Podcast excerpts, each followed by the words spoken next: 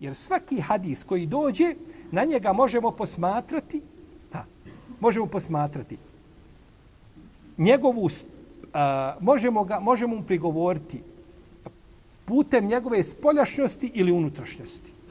Jel u redu? Unutrašnjost hadisa je tekst hadisa, kontekst hadisa koji je došao.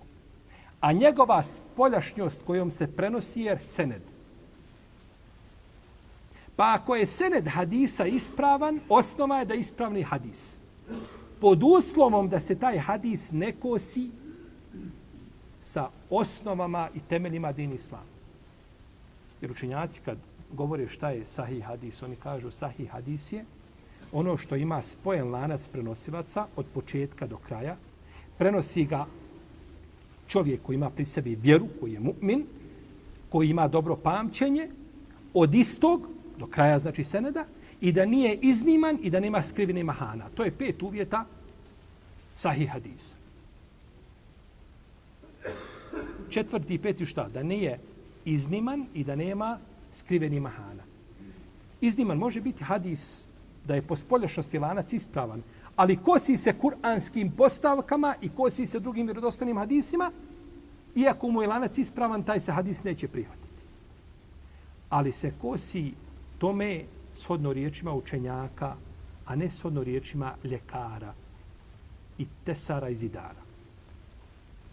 Možeš biti doktor, ne znam kakvi nauka na zemlji. Tvoje mišljenje po pitanju toga ništa ne znači. To samo može kad dođu velikani hadijski nauka i imami umeta, pa kažu ovo je izniman hadis. Eh, kažemo, vaša, vaše mišljenje je mjerodavno i vaša logika je mjerodavna, a nikako logika obični masa koji otvore Buhariju, Sahihu i gleda nešto, kaže, ovo mi nikako ne konta, kako god pogledam, danas ne mogu, ja, ne mogu to nikako ovaj, ne može to uklopiti meni u, u taj mozaik, ne uklapa mi se. Ko te pita uklapa li se tebi ili se tebi ne uklapa?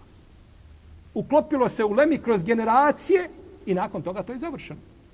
Pa su samo znači učenjaci ti koji mogu velikani, koji mogu odbiti hadis, vjerodostojan hadis, zato što se kosi sa temeljima islama, iako je takvih slučajeva više nego malo.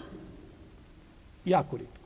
Jako, rijetko, rijetko i o tome su znači govorili islamski, islamski učenjaci.